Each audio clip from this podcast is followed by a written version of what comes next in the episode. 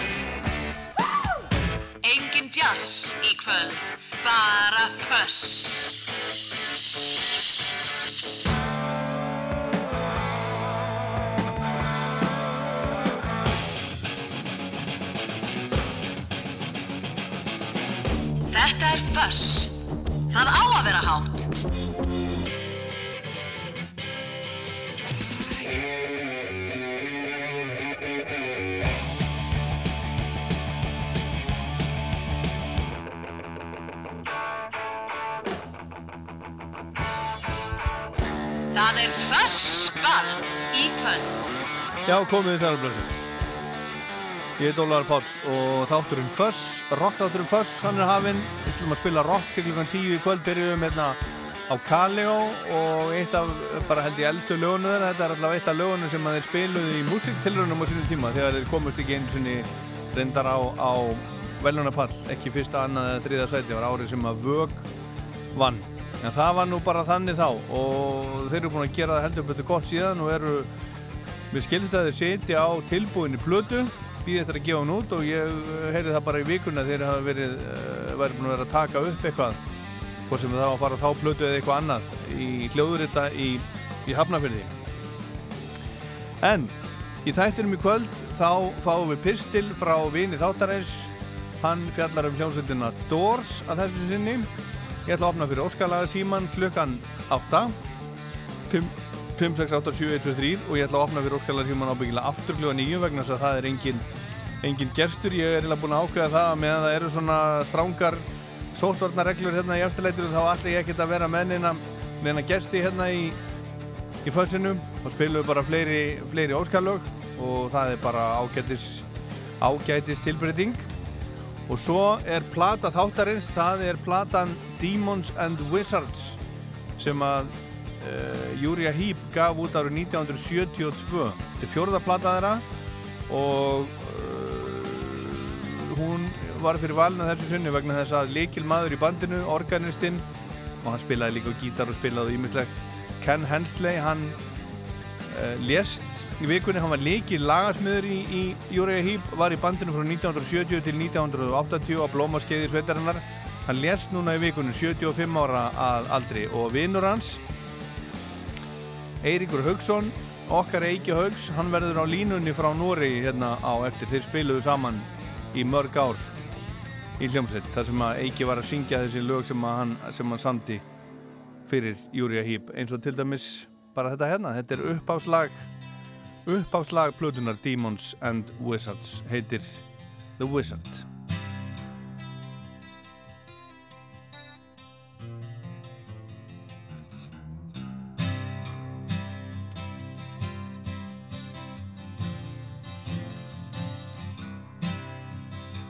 He was the wizard of a thousand kings. And I chanced to meet him one night wandering. He told me tales and he drank my wine. Me and my magic man kind of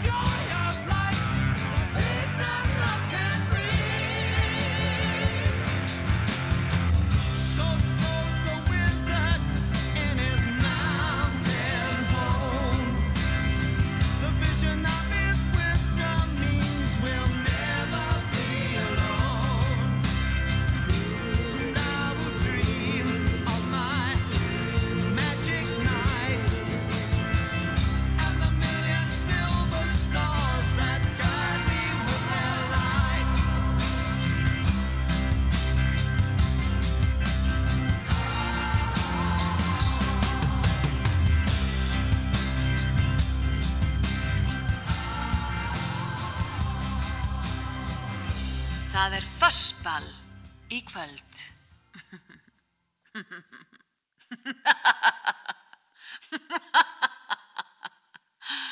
Áfram Ísland.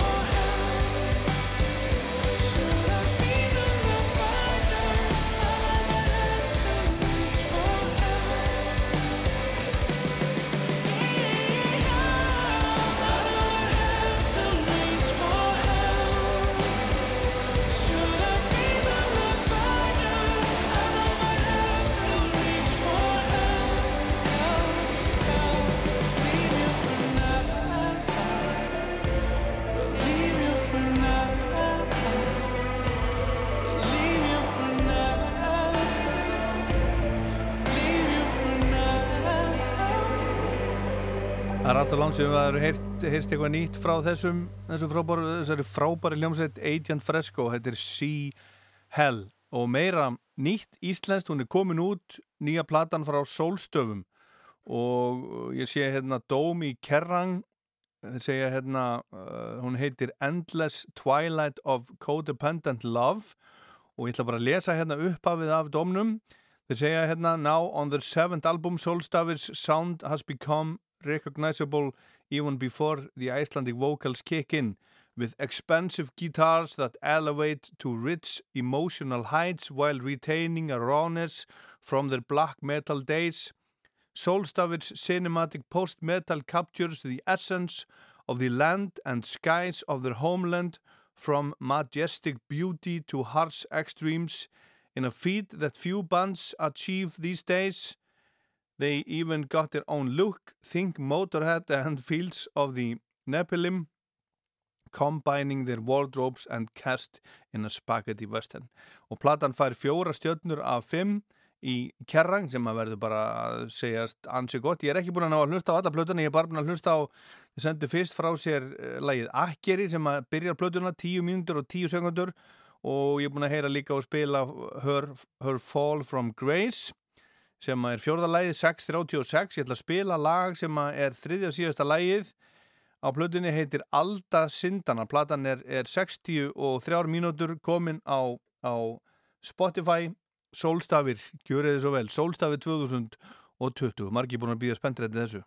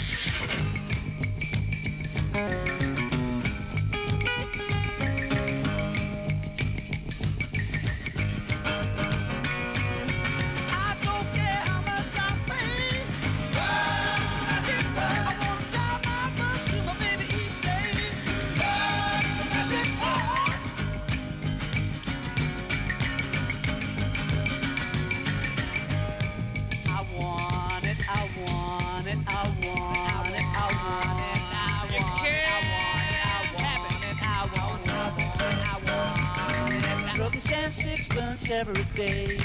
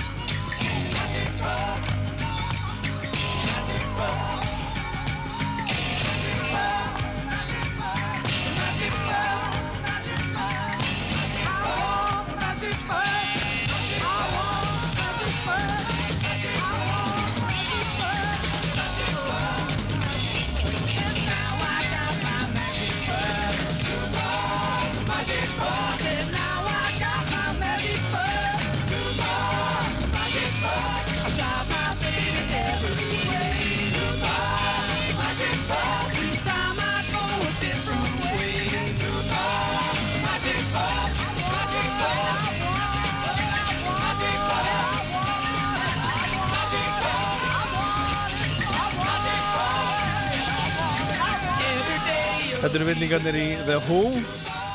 Eitt af besta sem ég hef heyrt um þessa hljómsveit var þegar við, við fjölskyldan vorum á leiðinni heim frá Róaskeldu fyrir svona hvað ætlaði sé nú langt síðan? Við fórum þegar, þegar, þegar börnin okkar voru 12 og 14 ára sonur okkar 12 ára og dóttir 14 ára. Buðum á gáðinu jólagjöf að fara, fara á, á Róaskeldu upp á hljómsveit svona minnst á var að spila My Chemical Romance og við fórum að sá My Chemical Romance.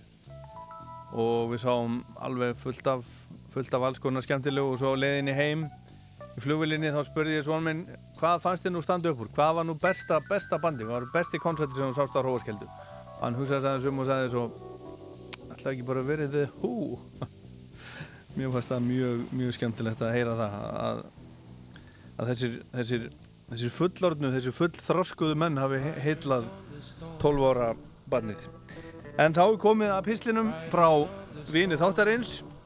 Hljómsveitin Doors gaf út sína fyrstu blödu árið 1967 og bar hún einfallega nafn hljómsveitarinnar, The Doors. Þessi plata sló rækilega gegn og hafði gí- gífurleg áhrif á tónlistasenuna í bandarækjunum á þessum tíma. Í forsvari fyrir hljómsveitinni fór söngvarinn, bóheminn og kyntáknið Jim Morrison. Þeir vöktu strax mikla aðtigli og voru umdildir sérstaklega vegna óheflar að framkomu Morrison á tónleikum og einni fyrir texta hans sem að voru mjög áleitnir og þannig upphafið skipuðu sér í framvarðarsveit neðanjarðar senunar sem ríkti í bandrækjum á þessu tíma þó vinsaldið þeirra í framhaldinu næðu langt út fyrir þann ramma. Þessi fyrsta plata Doors er talin besta frumrun hljómsveitar rocksögunar að mörgum og henni eru lög eins og Light My Fire, Break On Through og The End. En upp á Doors má reykja til ásins 1965 þegar Jim Morrison og Ray Manzarek hljómbóstleikari voru saman í UCLA School of Theatre, Film and Television og Morrison síndi Manzarek texta og hugmyndir að lögum sem hann hrefst af og vildi halda áfram með þetta og þeir fengur til liðsvisi þá John Densmore og trommur og gítarleikaran Robbie Krieger og til varð The Doors. Engin bassarleikari var ráðinn og sá Manzarek um þann þátt og leka á fótbassa á hljómborðinu á tónleikum. Þó fenguður af og til, liðsvisi sessjón bassarleikara á Pluton. Á árunum 1967 til 71 gaf The Doors út 6 stúdióplutur sem fengu allar frábæra dóma og seldust vel og Doors var eitt stærsta bandið í, í heiminum en það var uh, mikil óregla í gangi í bandinu og sukk í gangi sérstaklega á, á Morrison. Og margir tónleika þeirra enduðu með látum og uppþótti og, og, og gekk svo langt að í einhver skipti var Morrison leittur út af sviðinu í lögreglufyllt vegna ósæmilegrar hegðunar og augrunar hann átti, hann átti það til að, að, að svona Free Willy uh, hafði einhverja, einhverja þörf fyrir að sína tónleikagestum á sér kynfærin En í april 1971 kom út sjötta platta þeirra og hún er að mörgum talin svo besta, Ellie Woman og þetta var síðasta platta Doors sem Jim Morrison tók þátt í en hann lérst eins og flestum er kunnugt eða margir vita mistakosti í París þremur mánuðum eftir að platta kom út 3. júli 1971 27 ára gammal, því lík synd Það var allar tíð eh, síðan verið dálið til dölúð í kringum andlátars en, en samt tali víst að hann hafi látist á afnæslu eitulifja og, og, og, og svona livseðil skildra livja. Félagar Morrisons heldu áfram með Doors sem, sem tríó í tvö ár í viðbót eftir að hann dó, gáðu tvær plötur á þeim tíma sem þóttu svona ekkert sérstakar en bandið var bara allt öðruvísi án, án Jim Morrison og þeir hættu svo snemma ás 1973. Þeir þrýr komu þó aftur saman og gáf út blödu 1978 sem heitir An American Prayer með gamlum upptökum og spiluðu þar undir ljóðalestur Morrisons sem var til á upptökum frá fyrir tíð. Svo plata finnst mér personlega algjörlega frábæri. Ég hef hlustað alveg ótrúlega ofta á þá blödu. Svona alveg meira áttar. En fyrst og síðast var Doors frábær rockljómsveit með góðum hljófarleikurum og frábærum söngvara og það sem að vinur þáttarins vilur handa okkur Að fymtu plötunni þeirra, Morrison Hotel frá 1970 er lag sem heitir Peace Frog.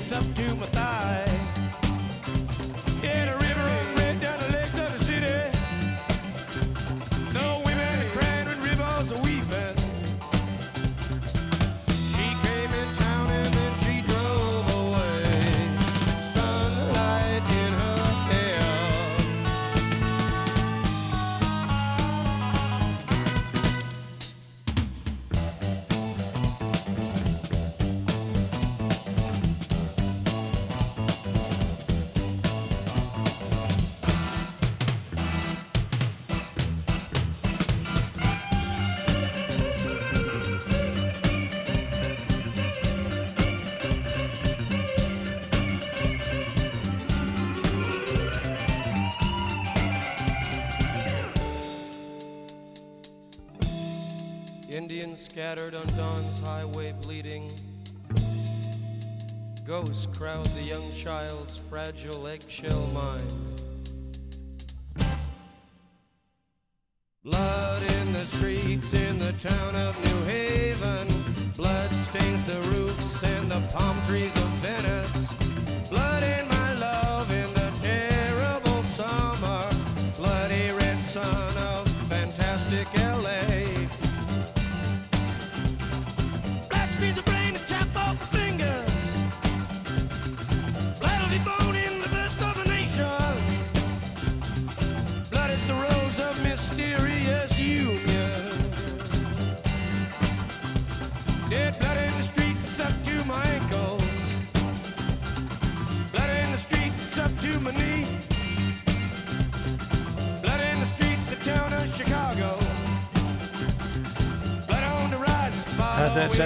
komuna frá vinið áttarins, ég þakka hann um kjallega fyrir, þetta var, þetta var vel valið, vel valið, vel valið, frábært, frábært lag og, og frábær hljómsveitu þetta, The Doors.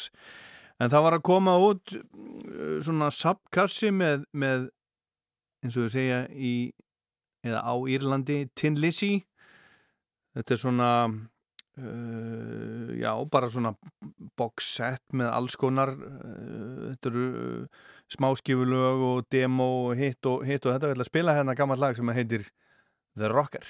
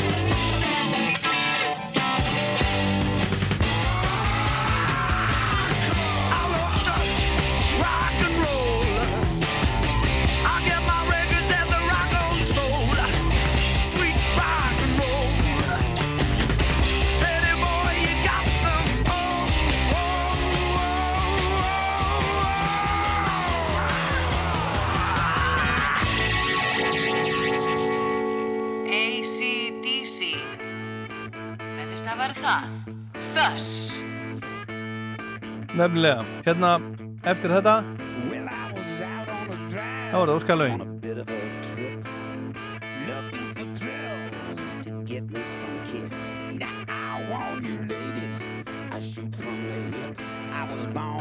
Stiff, stiff upper lip, looking down in the head.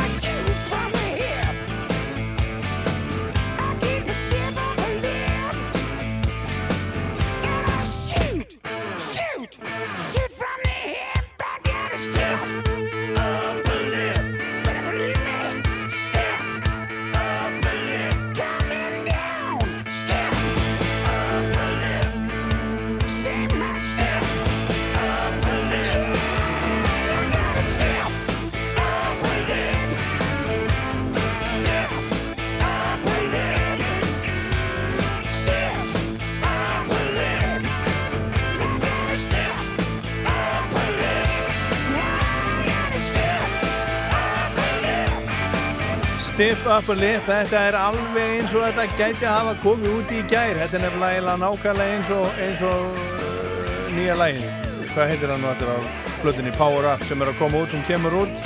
Við getum spilað við henni í næstu viku, aldrei vita en hún verður bara að plata þáttarins í næstu viku. Heitir Power Up kemur út sem sagt 13. 13. november þetta er af blöðinni sem heitir Stiff Upper Lip og kom út fyrir 20 árum Hún kom út 2000, svo kom Black Eyes 2008, svo kom Rock or Bust 2014 og svo nýja platan Power Up 2020. Hún gæti, gæti orðið uh, síðasta plata ACDC, maður veit, maður veit aldrei. En hérna eftir nokkrar krónur í kassan, þá ætlum ég að opna fyrir óskalaða síman 5, 6, 8, 7, 1, 2, 3 á munið. Það verður að vera rock. Hjá TM getur þú fengið tjón bætt á 60 sekundum, framkvæmt kaskoskoðun í gegnum app og kift tryggingu upp í sófað kvöldi til. Þjónusta TM er hugsuð fyrir þig. Mange inspirationer for hjemmet kan nu ses i Bo Baders juleblad, som kan købes hos Pannen Amazon. Bygghorn fjórhjóladekk, margar stærðir. BJB motorstilling, bjb.is Vestlum Fluggir á Stórhauða er opinn 7 til 7, 7 daga vikunar. Flugger litir. Allt til bjórgerðar. Ámann. Yokohama dekkin. Einstök hönnun, geggjað grip. Dekkjahöllin. Fjölskyldurnar í Lamphaga eru hluti þeirra 900 bænda sem eiga SS. Með fyrsta flokks aðbúnaði tryggja þau að kjötið frá SS skilar sér í gæðum alla leið á diskinn þinn. Íslenska sveitin og SS fyrir þig. Fallegi sófar fyrir heimilið fást í pennanum. Tilbóðsverð frá 159.000 krónum. Pennin húsgögn skeifunni 10. Við elskum pítsu. Allt í grunninn á 749 krónur. Komdu bara. Krónan. Það er komið að augur stundu hjá Karlalandsliðin í fótbolta. Ísland mætir Ungverjalandi í úrslitaleikum sæti á EM næsta sumar og er allt undir. Ungverjaland Ísland í umspili EM Karla í fótbolta, 5. daginn 12. november kl. 19.30 í beitni á Rás 2. Snjöll öryggislaust og heimiliskerfi í símanum þínum. Heimavörd Plus. Hvar sem þú ert. Securitas. Parki fyrir heimilið. Parki fyrir þig. Parki Dalvegi. Parki.is Dudagskvöld. Mm. Það rokkar jafn heitt og kaffi. Það er nefnilega það. Það er nefnilega það sko. En þá er það síminn 5687123, þetta er einfalt númer, gammalt og gott, gammalt og gott númer og látið nú endilega heyri ykkur. Við viljum heyri eitthvað, eitthvað sérstætt og eitthvað sem kemur á, eitthvað sem kemur á orð, gerir þetta skemmtilegra. Hver er þar? Jú, góða kvöldi, Stefán er ég. Já, það er Stefán, þú hefur nú ringt áður. Ó, já, vinn minn, en hérna, ég var nú bara fjætt þetta með Ken Hensley núna. Já, það er bara þannig. Og Þetta þáttarins er Díma Send Vissar sem nú var ég að uppgöta það að það er engin eftir lifandi frá þeirri blötu nema Mick Box gítalegari sko. Já, já, engin lifandi af blötunni? Nei, bara Mick Box gítalegari, hinn er allir farnir. Já, já, hann er ennþá að geira bandið áfram. Já, eini sem er ekki kannski sérstaklega góður trófarleikari eða hvað. Já, ég veit ekki, ég hef nú ekki stútir að Júri að hýp. Ég hef, maður heyrði svona þegar maður, sko þegar ég var yngri, þetta væri svona Deep Purple fátakamannsins. Það var góð skilgrinning. Ég sá það nú í Broadway á sínu tíma, eða hvað þetta hétt Hotel Ísland. Já. Og hvernig var? Allt í lagi, sko. Hann var nú að fara um daginn þarna trommarinn hann lík Kessleik og hann var þar með bandinum. Já, já, já, hann var, hann var að deyja líka. Já, hann var nú orðin held ég um 200 kíl og syndist mér svona myndið. Nú, nú. Dæma, en Það er ég veit ekki- úr hverju- fór eiginlega Ken Hensley. Hann fór bara, uh, það, er bara, það hefur ekki verið sagt frá því. Hann dó bara, hann var bara veikur. COVID kannski? Ég veit ekki, hann bara, hann, hann dó bara heima hjá sér á Spáni. Já, já, já. Hmm. Og ég ætla að ringja Eika Haugs hérna eftir, þeir voru náttúrulega, vinnir og félagar. Eiki söng með honum í mörg ár í, í hérna bandinu Live Fire. Er Þannig að það er nú meira að fá meira uh, um Ken Hensley hérna á eftir. En, hva, en hvað er hérna, ætlaði þú að bjóða okkur upp á? Sko, ég var að spáði með Lee Kerslake að hann spilaði nú með bandin á trommur í ein, sko, 30 ár Já, og var reyndar í hljónsveit með Ken Hensley bara frá því 67, sko, fyrir Júri Hýr. Já, já, já. En, en hérna, hann spilaði svo með Ossi Osborn, bandinu á fyrsta tefum plötunum. Já, já, Og það er lag af fyrstu plötunum með Ossi, þar sem hann semur með honum lag sem heitir No Bone Movies. no, No Bone Movies, no bone movies. já. Þetta vissi ég til dæmis ekki. Þess vegna er ég nú að opna fyrir síman, sko. Já, þarna er líka Kerslake á trommur og líka á plötunum með tvö. Já, já, En svo hætti hann í bandinu og, og Ossi fór til bandaríkina. Já. Og þá fór hann aftur í Júri Hýr, sko. já, já, já, já. Herðu, Stefán, ég þakka að kjallaði fyrir að ringja og hlusta og fyrir þennan fróðleik. Klikka aldrei að hlusta þarna þátt. Ha, Ég, ég sopn ekki á, á, á fyrsta skotni ef ég hlust ekki. allt í góðu. Það er gott að heyra, þakka að kjallaði fyrir. Takk, takk. Já, bless, bless, bless. Rástuða. Já, góða kvöldi. Já, hver er þar? Björn heiti ég.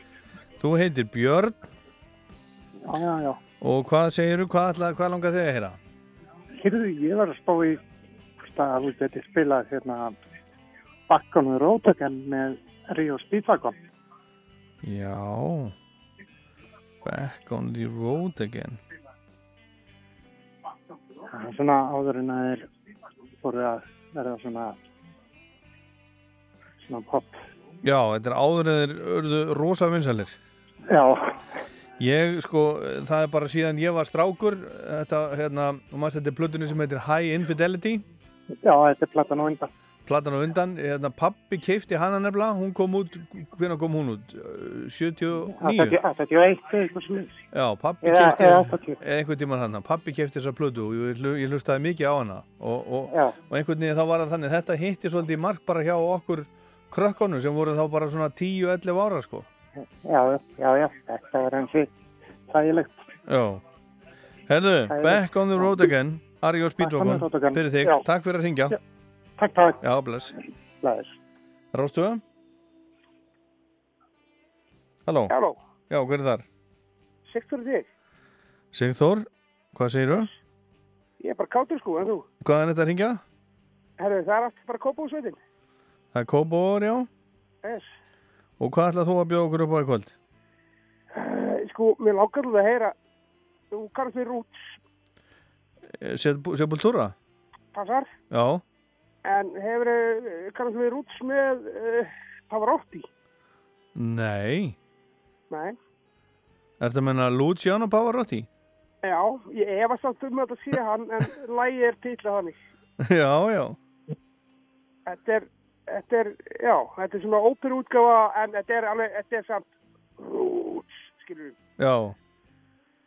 Ég væri mjög til að heyra það. Heldur ég að finna þetta einhvers þar? Sko, ég veit þetta til á YouTube. Já, ég tekka, ég tekka á því. Er, ok, gera það, takk fyrir það. Takk fyrir að ringja. Á, Bless. Rástuða? Hver er þar? Já, Ólaf heiti ég. Þú heitir Ólöf. Já. Hvað er þetta að ringja? Bara hérna úr Reykjavík. Já. Og hvað er Já. þetta, þetta bralla? Annað en að hlusta útarfið?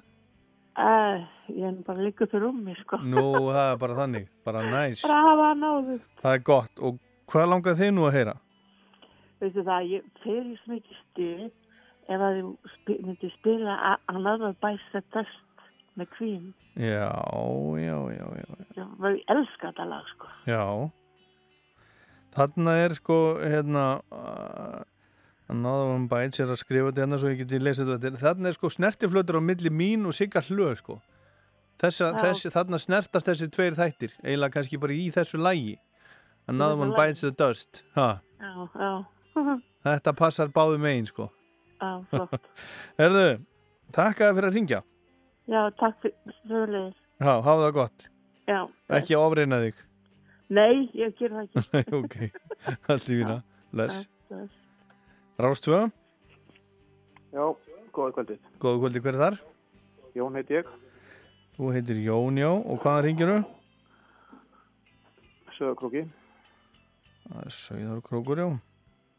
Hérna, Er, farið, að- snjóa svolítið? Það búið að gera það, en það er nú farið að taka vel upp núna. Já. Er Ertu með, tíma, með tímalengd á lögum? Svona hámas, há, hámastíma meinaru? Já. Ég, ja, ég hef nú ekki sett neina, reglur í sambandi við það. Hvað er þetta að pæla? Já, mér langar, það er svona tvenn sem kemur til grein upp í hausin á mig núna, það er Ten Years After, spila á Woodstock, I'm Going Home eða Heaven at Hell með Dio. Já, ja, þú mátt ráða. Og ég ekki lega þér ráða. Ég myndi velja Heaven and Hell, sko. Já, ok, ég, ég samþykja það. Já. Og ég þakka Heaven and Hell. Hell. Já, já. Herðu, þá er þetta bara komið í byli.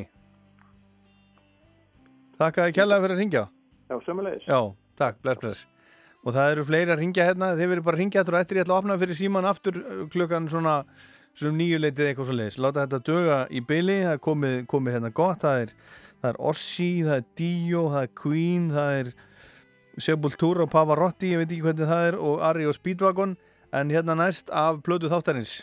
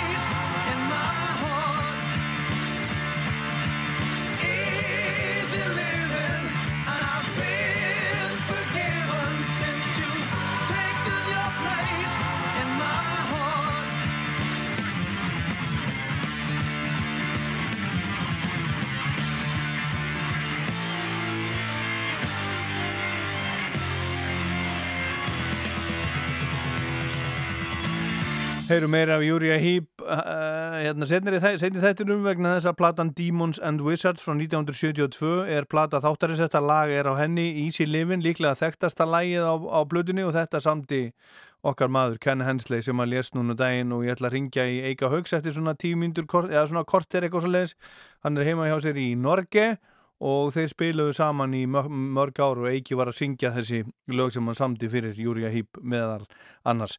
En hér er fyrsta óskala kvöldsins. Þetta er af blöðunni Blizzard of Oz sem er orðin 40 ára. Ossi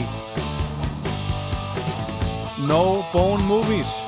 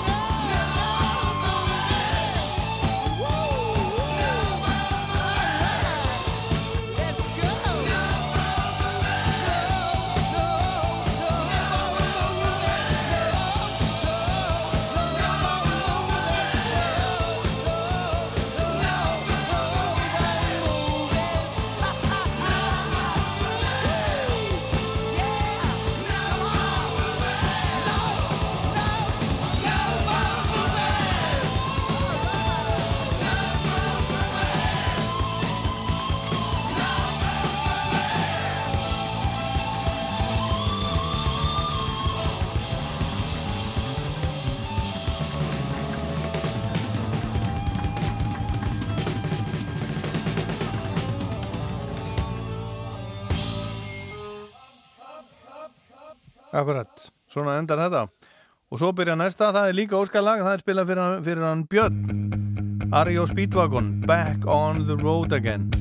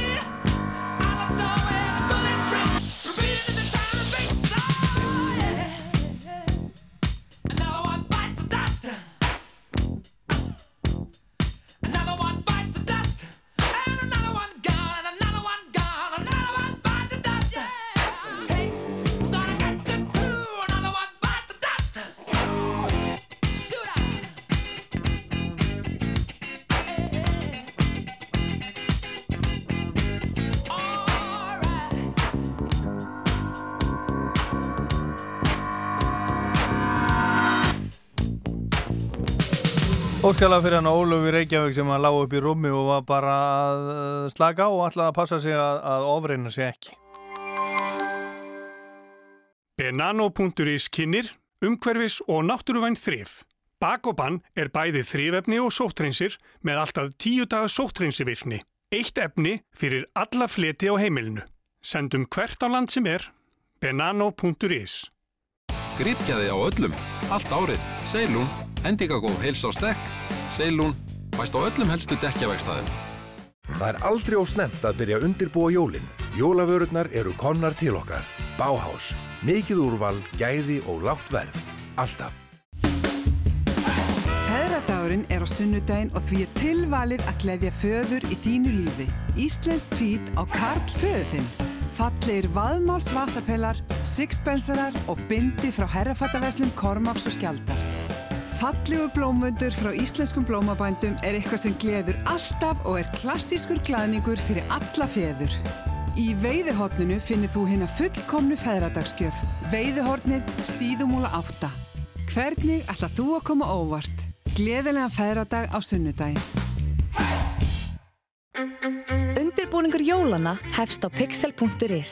15% afsláttur til 1. desember. Jólakort, dagatöl og ljósmyndabækur. Pixel.is 50 miljónir án þess að fara út úr húsi. Með appinu eða á lotto.is. Já, hann stefnir í 50 miljónir. Innan hús. Lotto. Leikurinn okkar. Allir fá þá eitthvað heimsend. Nú er fullt af tilbúðum á kringlukasti og frí heimsending á höfuborgarsvæðinu. Kringlan af öllu hjarta. Borðstofu dagar í Ylva. 20 til 40% afsláttur af öllum borðstofuhúsgögnum og 20% afsláttur af öllum borðbúnaði. Frí heimsending á höfuborgarsvæðinu er verslaði fyrir 5.000 krónur eða meira. Ylva Korputorki og ylva.is. Friday Night Rock Show. Skamstafa Þöss. Alltaf á föstudögum.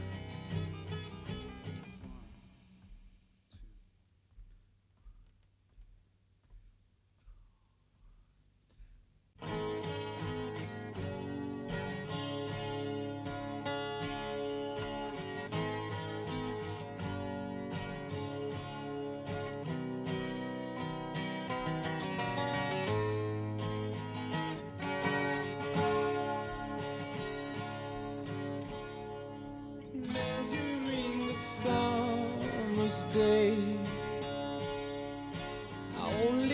find it slips away to gray.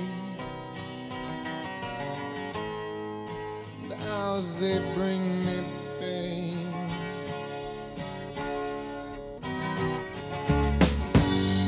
Tangerine, tangerine, living reflections from a dream. I was her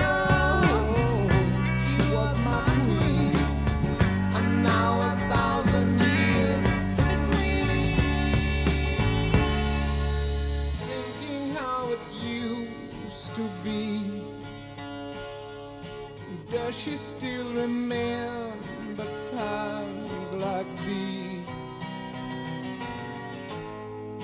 To think of us again.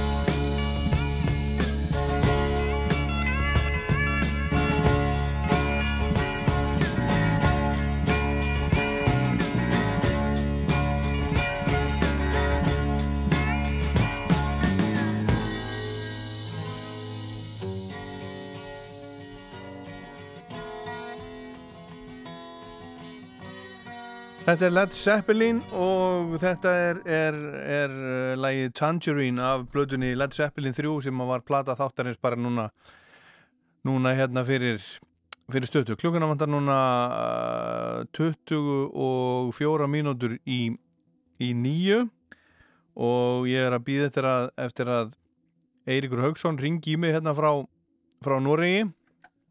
Ég vona því að þetta sé hann hérna. Er þetta Eiríkur? Þetta er Eiríkur. Hæ. Kondu sæll og blessaður, þakka þið, þakka þið kærlega fyrir að, að vera á línunni. Þú ert bara heima hjá þér í, í, í Noregi? Já, já, bara í róli heitum á, á, á förstaskvöldi og koronatímum, sko. Já, og hvernig, hvernig er veðri hjá þér? Það er búið að vera alveg, alveg frábært. Það var verið að slá eitthvað november met. Það var í dag, ég var að, ég var að stúsast úti í, á planinu hérna heima og það var 14 gráður og sól. Nú, það er ekkert annað. Það er ekkit annað. Það er ekki alveg svo leys hérna. Það er svona veturinn er aðeins farin að kýtla hérna hjá okkur. Já, nú- aðeins nú- nú, svona hagljél í nótt og, og svona nú- smá uh, kuldi og snjór og, og svona. Þetta kom heim þar á hann, sko. Winter, winter is coming, eins og þau segja. Já, já. já. Herðu, og ég vottaði samú mína með, með hérna, vinðin Ken Hensley úr, úr Júria Heap sem að sem að lést núna, núna í vikunni. Já, takk fyrir það. Það var, það var svona svolítið nett áfall eiginlega, Ma, maður bjóst ekki fyrir þessu en, en, eh, en svona sí- síðustu tveir dagar það var nú bara farið í það hjá mér og, og, og reynda hjá Helgu líka. Við hefum verið að svona grúska í gömlum upptökum og svona og bara lifa á minningun og eh, gera eitthvað fallegt úr þessu. Já. En- En varst í einhverju sambandi við hann svona undir, undir það síðasta? Ekki alveg undir að síðast við spiluðum sko það var eh, hann var nú einn af þeim sem startaði þessu Gressvík sommerparti sem að ég hefur verið að eh, einn af fimm sem að sjáum um árlega hérna í mínum heimabæ og eh, hann hafði ekki verið hérna einhver nokkur ár og svo vorum við með 15 ára ammali í fyrra og þá fengum við hann aftur og, og þá spilaði hann með, með sínu live fire bandi sem að ég eh, yfirgaf 2013 held ég sko Já. og já, þá þú- söng ég þrjú, þrjúlega með þeim Já, þú varst í þessu live fire bandi í, í mörg ár. já, uh, örgla sex ár, kannski á sjöfund ári Já. Og þú, og þú hættir bara. já, þetta var svona á tíma ég var, ég var mikið, mikið að, koma heim, heim til þín og ykkar hinn og þessa konserta og, og það var svona akkurát á þeim tíma var frekar lítið að gera hjá, hjá Hensley og, og það kom upp svona með stuttum fyrir var allt í nótt að spila í færi um neitt ávar ég bókaður á fiskidöðinu mikla og Já, já, já. Þessi, þessi dæmi mín á Ísland verið bókum með góðum tíma þannig að þetta var orðið svona þetta var að fara eitthvað að stangast eitthvað á þannig að ég bara svona ákvaða Að segja þetta gott. að, já, já En hvernig, en, en hvernig kom það til ekki að þið byrjuðu að, að vinna saman? Að þú fórst að syngja uh, með, með Ken Hensley og þe- þetta, þú varst að syngja þessi lög sem að var, að, var að semja fyrir Júria Híbo svona. Það Já, er það sem að þú, var- þú varst var- að syngja. Þetta, svona, þetta var svona eins og draumur í dós fyrir mig ég, þeir sem að þekkja mig vita að ég var mjög mikill Júri Hít fan eh, sem unglingur og, og þá sérstaklega David Byron söngvarn þeirra sko Já. og, og uh, kunningi minn hérna á Gressvík og, og uh, umbósmaður sem býr hínum hefur fjörðin hérna út í Nóri hann, þeir voru einhvern veginn náðu sambandi við Hensley og, og hann var eitthvað að stúsast með spönsku, sínum spænsku, spænska bandi Já. og hann kom hérna á Gressvík og það voru fyrstu tónleikarnir sem að voru þetta árlega Gressvík Summer Party eins og það var kallað og, og uh, þá var hann með spánska uh, spilara Já. og uh, og Petter vinnu minn sem að býr hérna hann, hann svona gjóða á hann það er hérna alveg atvinnu söngvari sem, að- sem, að, sem að kann allan katalógin, væri til í að leifa honum kannski að taka eitt lag? Og Já, hann gæti ekki, ekki lofa neina en það endaði með því að ég var kallaður upp og söng síðasta lagi Easy Living. Já, já, og það gekk náttúrulega bara vel og, og svo hérna það var ofta að vera síðasta lag og svo, svo segir hann við mig hérna, Can you play the bass guitar, Eric? Já, Já, og öruglega eitthvað, sagði ég. já. We usually, we, we usually finish with Lady in Black. Við endum á Lady in Black Já. og, og bassalegarinn hann er nefnilega ansi lungin fyrluleikari. Og Já, já. eh, þeir sem er að hlusta, Óli, og þekkjalagi Lady in Black, það er, ég meina, það er ekki til einfaldara lag í rocksögunni.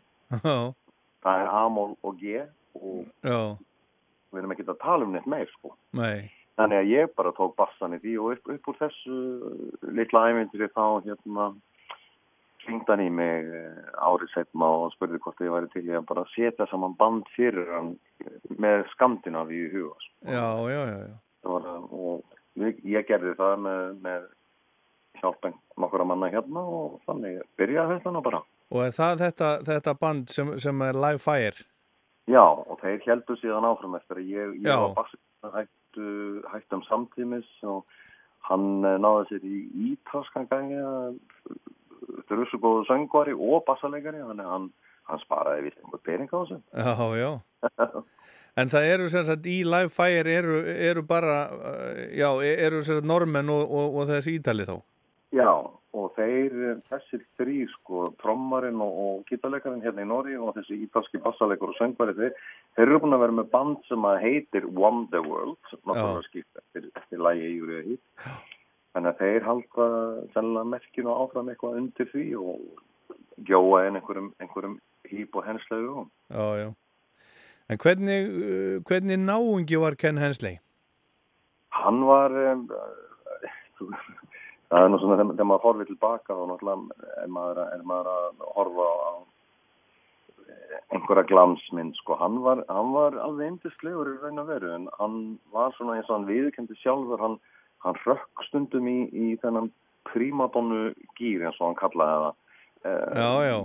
Svona upp úr þurru þá gæti hann allt í hennu hoppa 20 á tilbaka og verið þessi gæði sem átti þrjá kappastu spíla og drakk kampavinn á hverjum degi og sniffaði kókain fyrir uh, eitthvað ríkisbudget og eitthvað, eitthvað svona kæmtaði sko. Þannig að hann átti það til að vera með stæla Já. og en þess að milli var hann alveg algjör öðlingur sko og ég er að mjög þakkláttur að bara hafa fengið að taka þátt í þessu tjótti með hann sko. Já. Og hann samti bara megnið af þekktustu lögum Júri Hýp, er það ekki, er það, það, það ekki rétt uh, hjá mér? Jú, jú, jú, jú algjörlega, algjörlega. Hann, hann áall þessi, þessi stærstu lög? Já, já, ef, ef að menn hlusta til dæmis á Gypsy sem er á þeirra fyrstu blötu, ég, ég var bara að spurja hann að því persónlega og þetta, þú veist, kenni, ég menna, þetta lag er, er mjög mikið byggt á Hammondinu en lagið er skrifað á sagt, Mick Box og, og David Byron. Já. áttu ekki þessu lagi? Jú, jú, jú, ég samti það en það var bara þetta voru, þetta voru samningamál. Ég var á öðru í öðru plötufyrirtæki en þeir. Já, já. þannig að nafni mitt mátti ekki standa á neinum lögum. Þannig að á fyrsta plötu You're a Heap Very Heavy Very Humble er henslega ekki skráðið fyrir eina en einu og hann hafið samið með þeim alla plötunar Akkurat Þetta er svona Það er þessi, þessi samningamál samningamálin, heyrðu ekki og svo þegar þú helst upp á fymtu samanleitt í, í Östurbæ mm. með, með þú hérna böðist fólki amalið sitt en það þurft að borga sig inn. Skemm, Já, skemmtileg pæling. Hérna tónleikar í Östurbæ þar, var, þar kom Ken Hensley sem sérstaklega gestur. Og þessar upptökur eru til hérna hjá okkur í, í safni Ríkisútarsins Já, já, mér skilst að þetta var, eh, já, já, og hérna hann hafði reynda sko komið árið áður og þá voru dundufréttir með tónleika í Östubæ, Já, já, já, og þá komu bæði ég og Hensli og spiluðu með þeim og svo endur tók ég leikinn hérna árið setna. Já. Það hefur þá verið væntalega 2009, já. Og hver, hvernig, hvernig leist honum á Ísland? Hann var ægilega, hrifin á landinu og ég tók hann alltaf með í jeppaferð og hann, ætlaði nú ekki að fóra í það og endaði, endaði með, já svona ekki, ekki jöklaverð en, en með, með bíl upp á hálendu og hann talaði lengi um það eftir það. Hvað það hefur æðislegt. Það er skaman að því Mm. Það er skaman að því Já, En það eru svona, hann er, eh, er svona, ég, ég get svona sagt þér eina, eina sögum, má segja orðið þakk. já, já ég- ég ef, ég, að ef, ef, ef ég veit ekki af því. Uh, sko við vorum, vorum að spila á einhverjum konsert um, í Þískalandi mamma var með, með Nazareth við byggum á, á einhverju hóteli og svo var bara einhver svona þryggja fjögra mína dagstur í gegnum einhverju skóarvegi þarna og, og af þessu sviði sem að var út í konsert. Flott svæði og, og við erum þarna fyrir utan hótelið og hann er með sitt rauðin og við hinn sjálfsagt með bjóri eða eitthvað og, og, og hennu sprettur gamli upp og segir "Eh, guys, hérna, það er bara komið tíma áður, við verðum að koma okkur út á, út á svæði. Hvað er bílinn sem við á að sækja okkur og þá er einhver sem að réttir upp hönd þarna "Eh, ég er eh, bílstjórin og, og bjaga, mjög bjagaður í ens, ennsku. Já. Já, og hvar er bílinn? Hann er hérna, þessi, þessi kvíti og þá er, það svona húsbíl. Já, já. Svona frekara af svona, ekki, neitt luxus en heldur ekki elsta típa sem þú séð á æfinni en, en já, já. Og þá hrökk hann einmitt í, í þennan primadonu gýr sem að ég var að nefna við þig, sko. What? Og ég verð, verð að segja þetta á enn, sko, annars er þetta ekki skemmtilegt, sko. Já. There is no way that me and my band are going to the venue in a vehicle where people have eaten and fucked. Að, og, og það endaði með því, og, en við vorum, við vorum að brenna út á tíma, þannig að endaði með því að við strákarnir í bandinu, við tókum bara þennan húsbíl og vorum komin á góðum tíma og hann beigði eftir einhverju limósi. Já, það er þannig, já, já. Já, já, menn verða að hafa, hafa, það verður að vera klass yfir því, verður menn verða að hafa, hafa, vita af sér, sko. hafa standardinn í lægi, sko. It says in the contract, you know. Já, já, já, já, það stendur í samninginum. Mm. Herðu ekki, ég ætla að spila hérna July Morning með, með, með þér og Ken í Östubæ. Eh, Þetta er á ammælistæðin árið 2009, það ekki? Jó, ég þarf einhver tíman við gott tækifærið þegar þetta COVID-dæmi er búið þá þarf ég að nálgast þessa upptöku ég, ég hef aldrei hérst þetta Þú er aldrei heyrt þetta? Nei, Ég, ég verð að senda þér þetta bara. Ég sendi þér þetta. endilega Herðu, hérna, takk fyrir, fyrir spjallið ekki og, og hafa það gott. Takk sem við leiðis, við heilsum þetta sem ég þekkja Já, takk kærlega. Bless, bless. Bye bye Og þá skiptum við hérna yfir í Östurbæi á, á uh, got his V3 amalinn hans fixed, uh, Eika, we'll do þegar hann var some 50 úr. Uh, which might not need. This this instrument I can, I can you know this one? Because if you know it you should sing along as well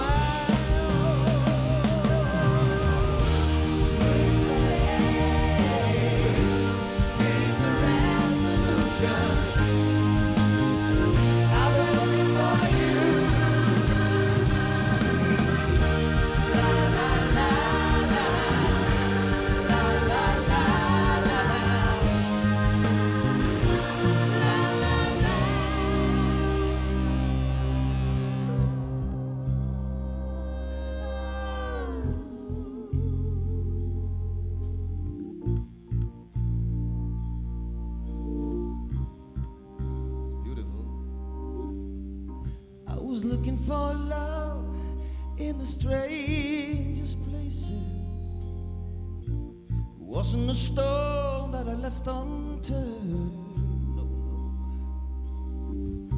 no. I must have tried more than a thousand faces, but not one was aware of the fire that burned.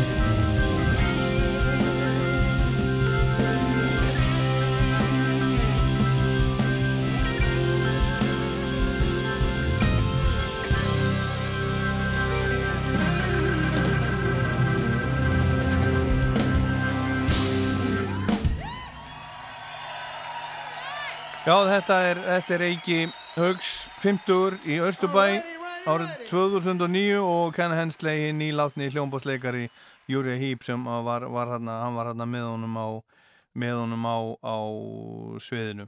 En þá er komið að, að óskalagi, þetta er spilað fyrir hann Sigþóri Kóbóinum sem ringdi hérna á hann og sagði að þetta væri skráð á Sepultura og Pavarotti. Ég er bara svona rétt aðeins búin að tjekka á þessu, ég held að þetta sé nú ekki Pavarotti, Elvis Óbúri Heimsins sem er að syngja þetta með Sepultura en ég bara hreinlega þekki það ekki. Við skulum bara hlusta á þetta saman. Svo ætlum ég að opna fyrir óskalaða síman aftur hérna á ettir.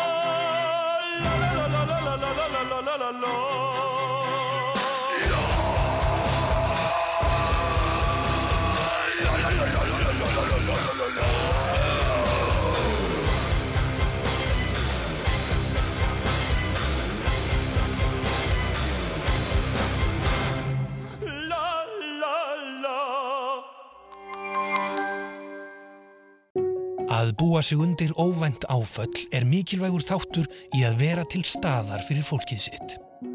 Það er einfalt að ganga frá líf og sjúkdómatryggingu á vörður.is. Eftir hverj er þú að býða? Vörður. Volkswagen Caddy snattast um með þig út um borg og bí á sparneitin máta. Karavellan flyttur fólkið og transportirinn vörurnar. Svo eru auðvitað krafturinn sem græjar þetta allt saman. Volkswagen atvinnubílarnir hafa þetta allt og miklu meira til. Hekla. Hann er bræðgóður og svalandi og inni heldur 14 tegundir góðgerla. Cirka bát. Kefír. Nýr gamall drikkur frá mjölku. Sýnum varúð í vestlunarferðum. Virðum tveggjametrarregluna fyrir okkur, starfsfólkið og aðra viðskiptavinni. Vaffer og Landsamband Íslenskra Vestlunumanna. Opið er í öllum vestlunum Bíkó til hlukan 8 í kvöld. Bíkó. Gerum þetta saman.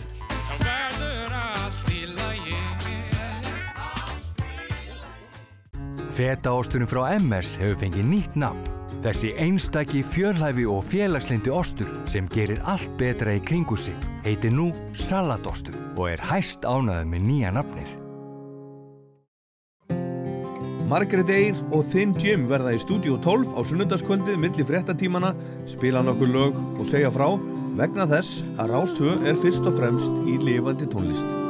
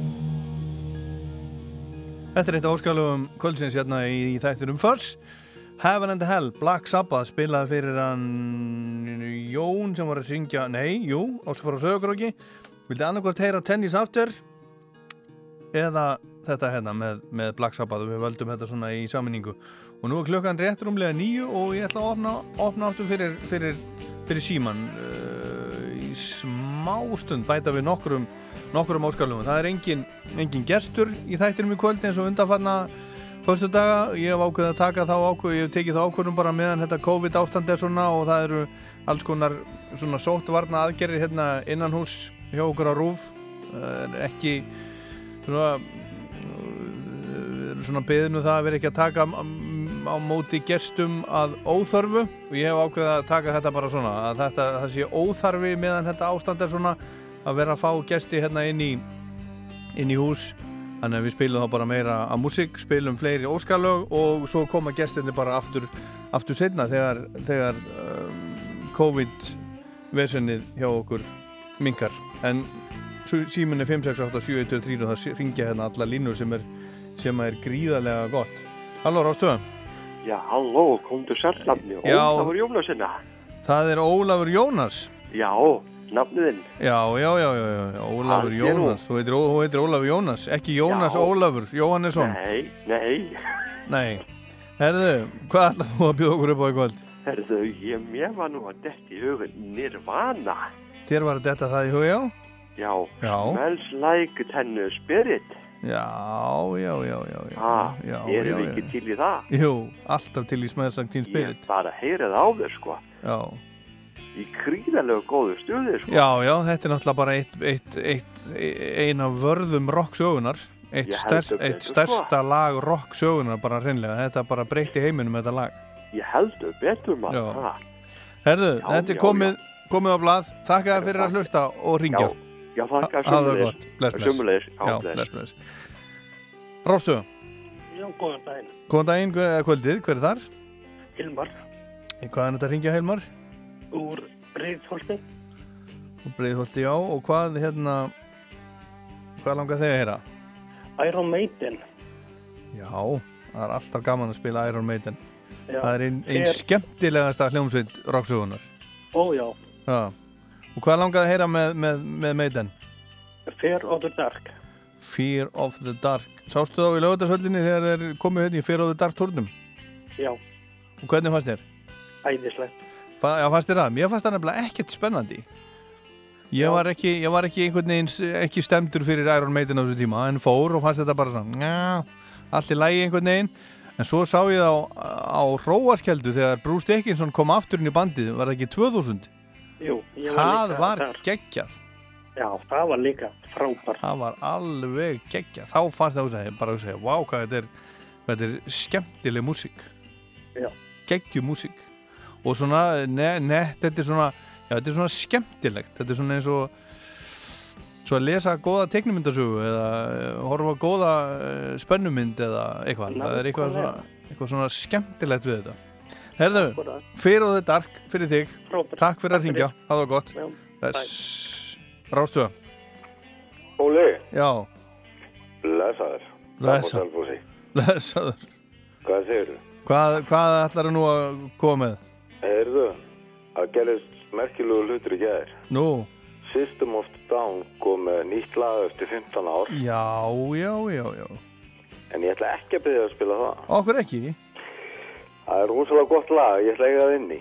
Já, Og, og, og þú lusta kannski á það og ég er alveg sem þú þetta er að spila. Það er rosalega gott. Þú veist, þeir eru armennar já, og þeir gáðu lag til þess að styrkja þjóðina í stríðinu við Assera. já En eh, ég ætla ekki að byrja um að spila, ég ætla að byrja um að spila band sem er, hvað kemur meira gott frá Kanada heldur en Neil Young? Hvað við meira gott frá Kanada en Neil Young? Já, Uh, býtu nú við ég veit í, nú, nú er ég sko, nú er ég með það í huga nú er ég svolítið með svona þinn tónlistarsmekk sko Ok. ég, ég, ég er ekki alveg ég er ekki, veit, ég kveik ekki á því sem þú mást að tala um sko rosalega gott band sem heitir Monster Truck já, og þeir spila lag sem heitir, uh, hvað heitir það, Don't, Það heitir Don't Tell Me How To Live. Þetta er rosalega skemmtileg band. Gjör á Ontario í Kanada. Já, Neil Young er frá, frá Ontario. Þeir eru öruglega búin að fara tónleika með hann. Já, alveg ábyggilega. Ég ætla að spila Neil Young. Það var nefnilega, það var nefnilega, hérna, það var verið að byrta grein í Guardian, það var verið að raða plötunum hans upp í, í röð frá vestu til bestu og Ok. þvílíkt bull. Já, það ekki? Jú. Það er... Já, það er svona, það eru svona, það er svona kaplar í þessu sem ég get svona sætt mig við en, en, en uh, margt mjög skrítið. Það er náttúrulega eins og alltaf vera, það er bara einhver sem býr þetta til og svona ég ætla aðeins að skauti yfir þetta og, og hérna spila eitt lag með Níl hérna á eittir. Herðu? Ég, ég er bara ekki orðin og þroskar en þó til þess að taka Neil Young en ég stefnaði að gera það í allinni en, Já, en ég, þú getur treyst í, þetta er skemmtilegt band. já, ég spila Monster Truck. Takk fyrir Ok. að ringja, hafa gott. Bye. Bless. Og síðast áskalagi í kvöld. Hver er þar? Já, góðan daginn. Hver er þar? Hver er þar? Hilmar heiti ég. Ha? Hilmar nummer 2 í kvöld. Hilmar 2 Hilmar nummer 2 Og hvað ætlað þú að bjóða okkur upp á? Já, ég eftir í ringu þá var það hérna með Ice-T, Body Count. Já, Það væri gaman að heyra annað með þeim. já, þú ert bara fastur í body count Já. Og, hvað langaði að heyra núna? Æ, þeir eru með hérna tökulag hérna með slegja. Já, Raining Blood. Raining Blood, já, já, já, já Þeir held ég þetta að skýra Raining in Blood. En Já, herðu, ég finn það. Ég finn það Já. Herðu, en hérna, uh, hérna Þú veist að nú er svona út af þessu COVID-veisun öllu þá er verið að vera að tala við fólk að svona taka jólin snemma setja snemma upp jólaljósun og svona, ert þú í því? Ég ekki ennþá, ég var nú að hugsa á það, það eru nú uppi seriðunar úti, þannig að, Þær eru bara uppi síðan í fyrra já. Þannig að það er bara að stinga þeim í samband. Það er bara að Já, stinga já. þeim í samband Heldur að, heldur að það séu sé í lægi alveg? Já, já, þetta eru fína serjur. Já En er, er, er konaðin ekkert farin að svona íta á þig? Herðu allar ekki að fara að kíkja á jólaserjurnar? Nei, við erum svo upptekinn bara að klára jólegæðunar, það er þessi búið. Nú eru þið, að vera búin að því bara? Já, já. Það er ekkert annað. Já, já, já, þeir eru snemma í því maður. Já, já, Já, Herðu, er en sko, það eru svona reglur hérna hjá útvarpinu, ríkisútvarpinu Við byrjum ekki að spila jólalög fyrir en sko fyrsti aðvendu eða, eða fyrsta des eftir því um, hvort kemur fyrst. Já. Og ég ætla ekki að fara að breyta því Nema, er ekki alltaf svona undatæringi sem sanna regluna. Það var nefnilega detta inn hérna Það var, var að koma út, út lag, gamalt jólalag Eða jólalag. Við getum getur sérstaklega jólalegt En það er jólalag samt með Black Crow sem heitir Backdoor Santa. Og hérna, ég ætla að spila Ég ætla að spila það, það er sko það er langt í jólin, það er langt í jólalögin, en ég veit að það ætla margir að fara í svona jólaserjur og svona morgun þannig að ég sendi þeim öllum, öllum baráttu kveðju með, með hérna, Black Rose og Backdoor Santa og eh, skemmtilegur texti með þessu Ertu eh, klárið í þetta? Já, við viljum spila það. Já, ljómandi. Gott að rockjólalögum. Heyrum þetta, Backdoor Santa hann fer sem sagt bakdýra megin þessi jólasveit Takk fyrir að ringja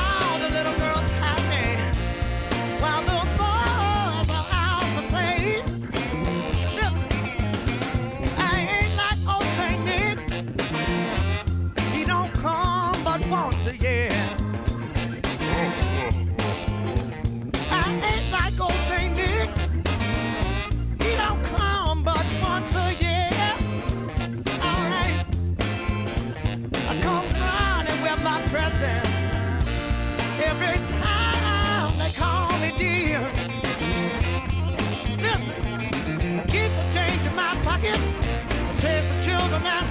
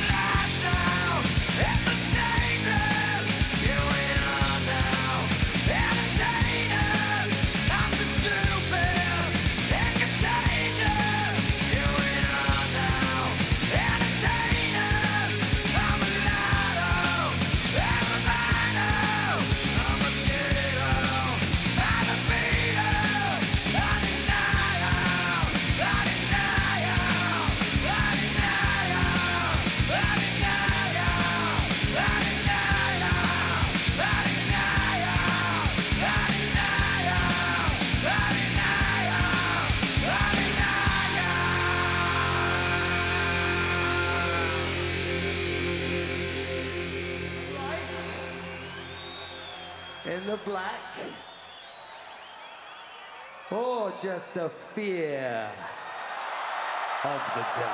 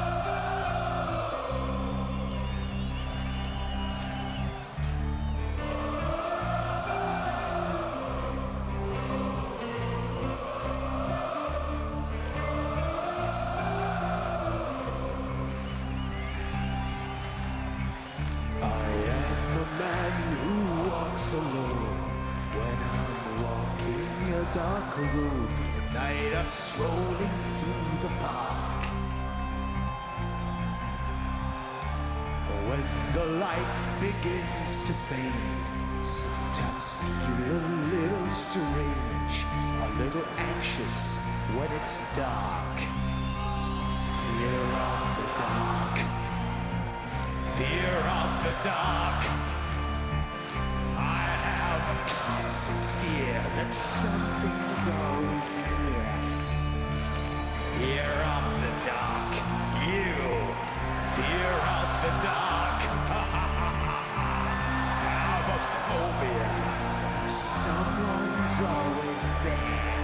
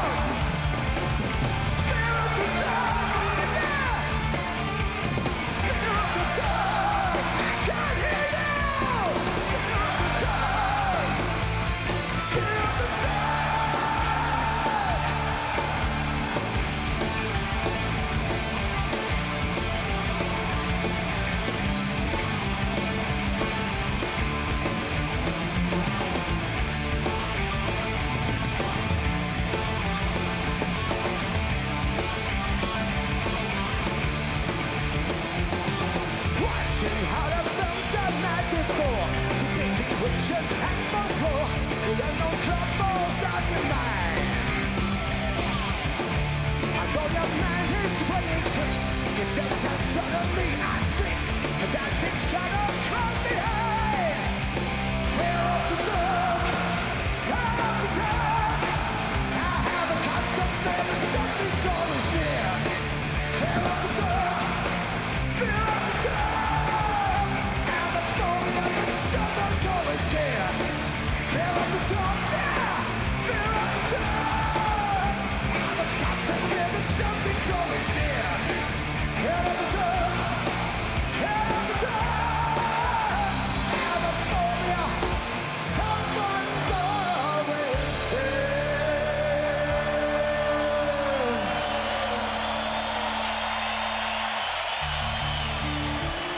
Þetta er Iron Maiden.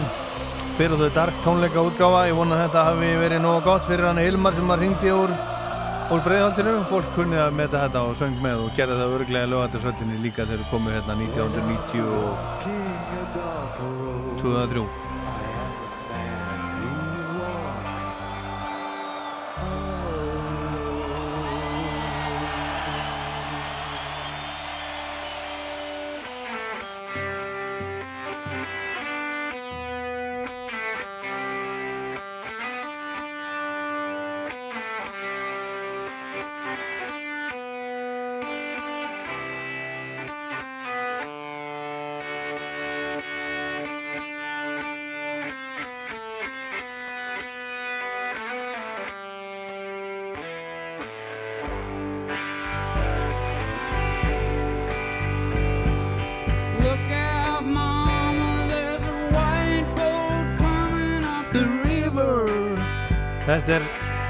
besta bílskúrsband í heimi. Það var oft sagt sjálfur þeir sem að spila í þessu bandi. Þetta er Neil Young og Crazy Horse. Þetta er að þetta datt á netið á Spotify bara núna í vikunni. Þetta er að finna það er að koma út, út uh, svona kassi. Kom út kassi fyrir nokkrum árum sem heitir Archives sem eru þessi tíu diskar, þetta kom út á DVD líka og, og Blu-ray og allavega og svona þremur mismunandi kössum, þetta eru sem sagt upptökur. Áður ógjörnar upptökur með Neil Young, hitt og þetta tónleikar, demo og alveg uh, aftur í fyrstu laugin sem hann gerði með, með hljómsveitinni Squires meðan hann var ennþá í Kanada, unglingur í Kanada. Og svona ímislegt það eru, ég man ekki hvernig þetta kom út það eru tíu ár síðan eitthvað svona og nú er að koma Archives nr. 2 og þeir hafa verið að lauma út einu og einu lægi undanfarið og þetta er það nýjasta sem að eh, sem að koma allavega inn á Spotify. Og þetta er nú bara svona eins og einhvern meðal, meðal bílskúsband að, að, að spila eins og þið heyrið. En það er Crazy Horse í rauninni svona hálgert, hálgert bílskúsband og þeir hafa aldrei haldið hennu öru fram. Þeir segja að þeir séu ekki, ekki bestafand í heimi. Þetta svona þeir, þeir vinni saman á, á tilfinningasviðinu en þetta er ég nú, ég nú segja ykkur frá þessu vegna þess að, og spila þetta vegna þess að það var uh, uh, þrýr vinnir mínir búin að benda mér í dag á, á lista sem að var, að var að byrtast á websíðu Guardian. Neil Young, Every Album Ranked það er náðungi sem heitir Alexis Petridis sem að raðar öllum plötunum hans Neil Young í röð. Vestu, frá vestu plötunni og upp í þá bestu. Og ég er nú ekki búin að grannskoða þetta alveg en svona hann byrjar alveg á, á ég er nú alveg sammála því. Það er í 45. sæti Vestaplatan Landing on Water frá 1986 ég get nú alveg svona tekið undir undir það. Og svo er Everybody's Rockin' uh, 44 kom úr 1983 þetta eru, eru kvartveikja plötur sem hann, sem að, hann gaf út þegar hann var á samningi við Geffen Records á sínum tíma lendi, lendi vandraði með sín gamla félaga David Geffen hann kærði hann á endanum fyrir að gefa út plötur sem var ekki hægt að selja og voru út úr karakter Old Ways sem er eina á Geffen plötunum líka er hérna í 43. sæti og svo koma þær hérna í 40. sæti til dæmis Live sem ég get alveg tekið undir svo sem, svo sem líka en svo ef maður fer hérna ofar þá er til dæmis þá er í 34. sæti Prairie Wind sem ég finnst alveg frábær Silver and Gold í 33. sem ég finnst alveg frábær líka það er tónleika, það er svona platar sem hann gaf út 1991 í tengslum við tónleikaplötuna sem heitir Veld sem er, sem er bara svona feedback og hávaði í 35 mínútur sem hann kallar Ark og þessar plötu setur hann í 31. seti ég hef nú sett hana svolítið svolítið neðar þar að segja sett hana já, neðar á þennan lista ekki ofar Trans skrítin plata sem kom úr 1982 hún er í 2009. sæti, mér finnst hún mjög skemmtileg og svo heldur þetta hérna, hérna áfram og ég er ekki alveg sammálunum með listan svo Harvest er til dæmis í 17. sæti og Harvest Moon í 13. sæti Ragged Glory er í 12. sæti næri nær ekki inn á, inn á 12 upp á top, inn á top 10 Homegrown er, er í 11. sæti plata sem að koma út bara núna á, á þessu ári plata sem að, kom, sem að tók upp á 1975 og svo er það hérna top 10 listin, ég ætla að fara yfir hann Comes a Time er í 10. sæti allir sem að þekki allar þessar plötur Freedom sem hefur að geima Rockin' in the Free World, hún er í 9. sæti Sleeps with Angel frá 1994 plata sem að gerði til heiðus Kurt Cobain, hún er í 8. sæti Time Fades Away sem kom úr 1973, plata sem hann hefur ekki viljað uh, flagga mikið og er ekki svona góð fyrst mér hún á nú ekki heima að vera hann í 7. sæti hún er í 7. sæti allavega Zuma frá 75 er í 7. sæti After the Gold Rush er í 5. On the Beach er í 4. sæti frá 74 Tonight's the Night er í 3. sæti hún kom út 75 Everybody Knows This Is Nowhere fyrsta platan sem hann gerði með Crazy Horse hún er í öðru sæti ég hef nú stundu sagt að hún sé mín uppáhaldsplata með Neil Young þannig að hún á vel heima hann í öðru sætinu og svo í, í fyrsta sætinu er platan Rust Never Sleeps. Hún er reyndar alveg alveg frábær. Og þetta lag Powderfinger er á þeirri þeirri plötu og ég ætla að spila það bara aftur af Rust Never Sleeps. Hún er, hún er, hún er akustísk uh, fyrir hlið, hliðin að hliðin á plötunni og, og setni, setni hlutin er svona hún er hávær, ruttaleg, rammögnuð og þar á meðal þetta frábæra lag hérna Powderfinger, við skulum bara heyra það heyra það aftur eins og það er á Rust Never Sleeps, aðeins hraðar aðeins minni bílskúri þessu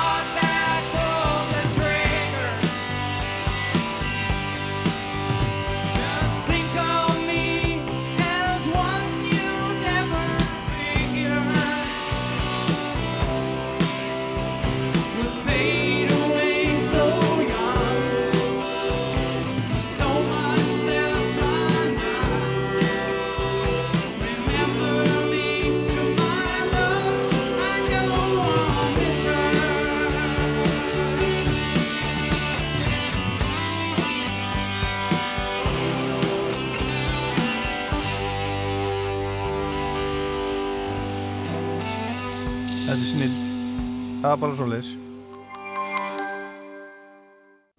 Veldu gaggsægi og tröst í bílakaupum. Frábært verð og 5 ára ábyrð. Verslaðu Mitsubishi Outlander PHEV Vafjá um boðinu. Hekla. Feðradagurinn er á sunnudaginn og því er tilvalið að gleðja föður í þínu lífi. Íslenskt hvít á Karl föðuðinn. Fallegir vaðmáls vasapellar, sixpensarar og bindi frá herrafattaveslum Kormáks og Skjaldar. Fallegu blómundur frá íslenskum blómabændum er eitthvað sem gleður alltaf og er klassískur glaðningur fyrir alla feður. Í veiðihorninu finnir þú hérna fullkomnu feðradagsgjöf. Veiðihornið síðumúla átta. Hvernig ætla þú að koma óvart? Gleðilega feðradag á sunnudaginn. Að sína samkend með því að vera til staðar fyrir aðra og sjá sjónarhort þeirra getur ráðið úrslitum. Við getum sett okkur í spór annara og hjálpa þeim að finna að þau er ekki einn. Samkend smitar nefnilega út frá sér. Gerðu allt klárt fyrir haustið. Hjá BM Valla farðu gæðahellur og gardiningar, góða þjónustu og skjóta af greiðslu. BM Valla. Hér kemur jólakveðja úr hveragerði. Matkráin byðu viðskiptafinni sína nær og fjær að panta borðin sinn tímanlega fyrir áðvenduna matkráin.is sími 483 1105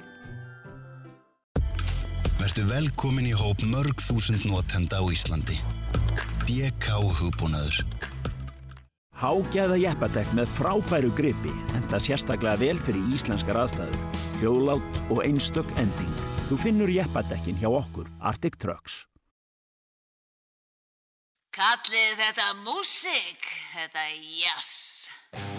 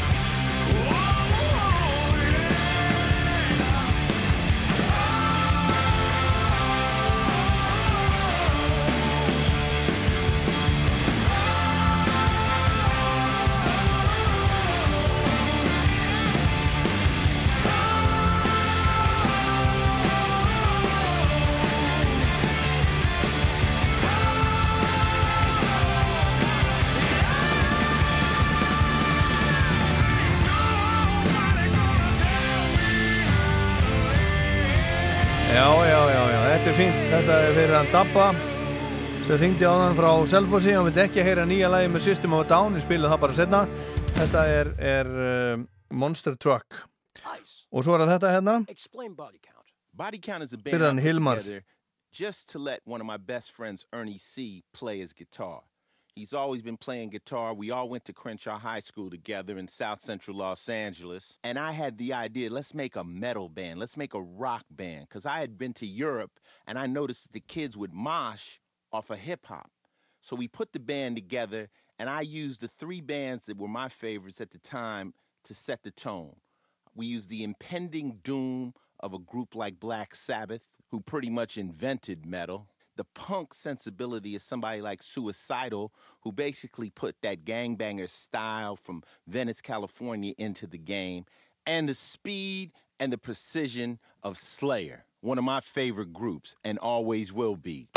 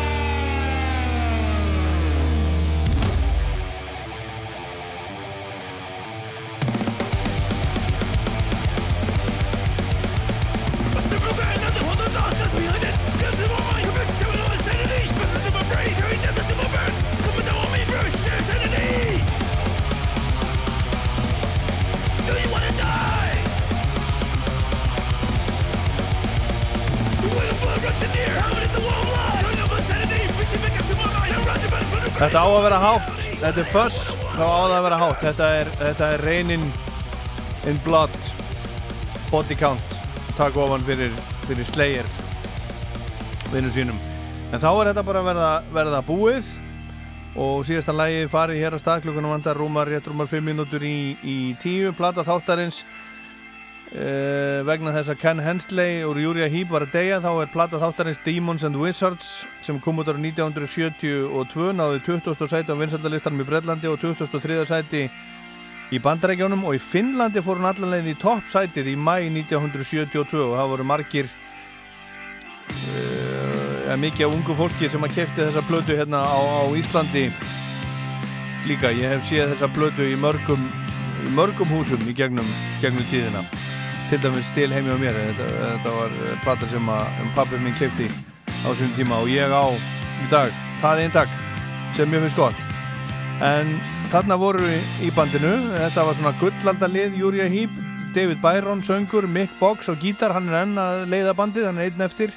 Ken Hensley, hljómbórar söngur Mark Clark, bassi og söngur og Lee Kerslake sem að líka er látin trommur og slagverk og við endum först í kvöld á lægi á aðliðinni á Demons and Wizards sem heitir Circle of Hands. Ég heit Ólaður Páll. Þetta var sem först takk fyrir að hlusta, heyrjumst aftur eftir viku. og góða helgi. And in the face of beauty, evil was lost.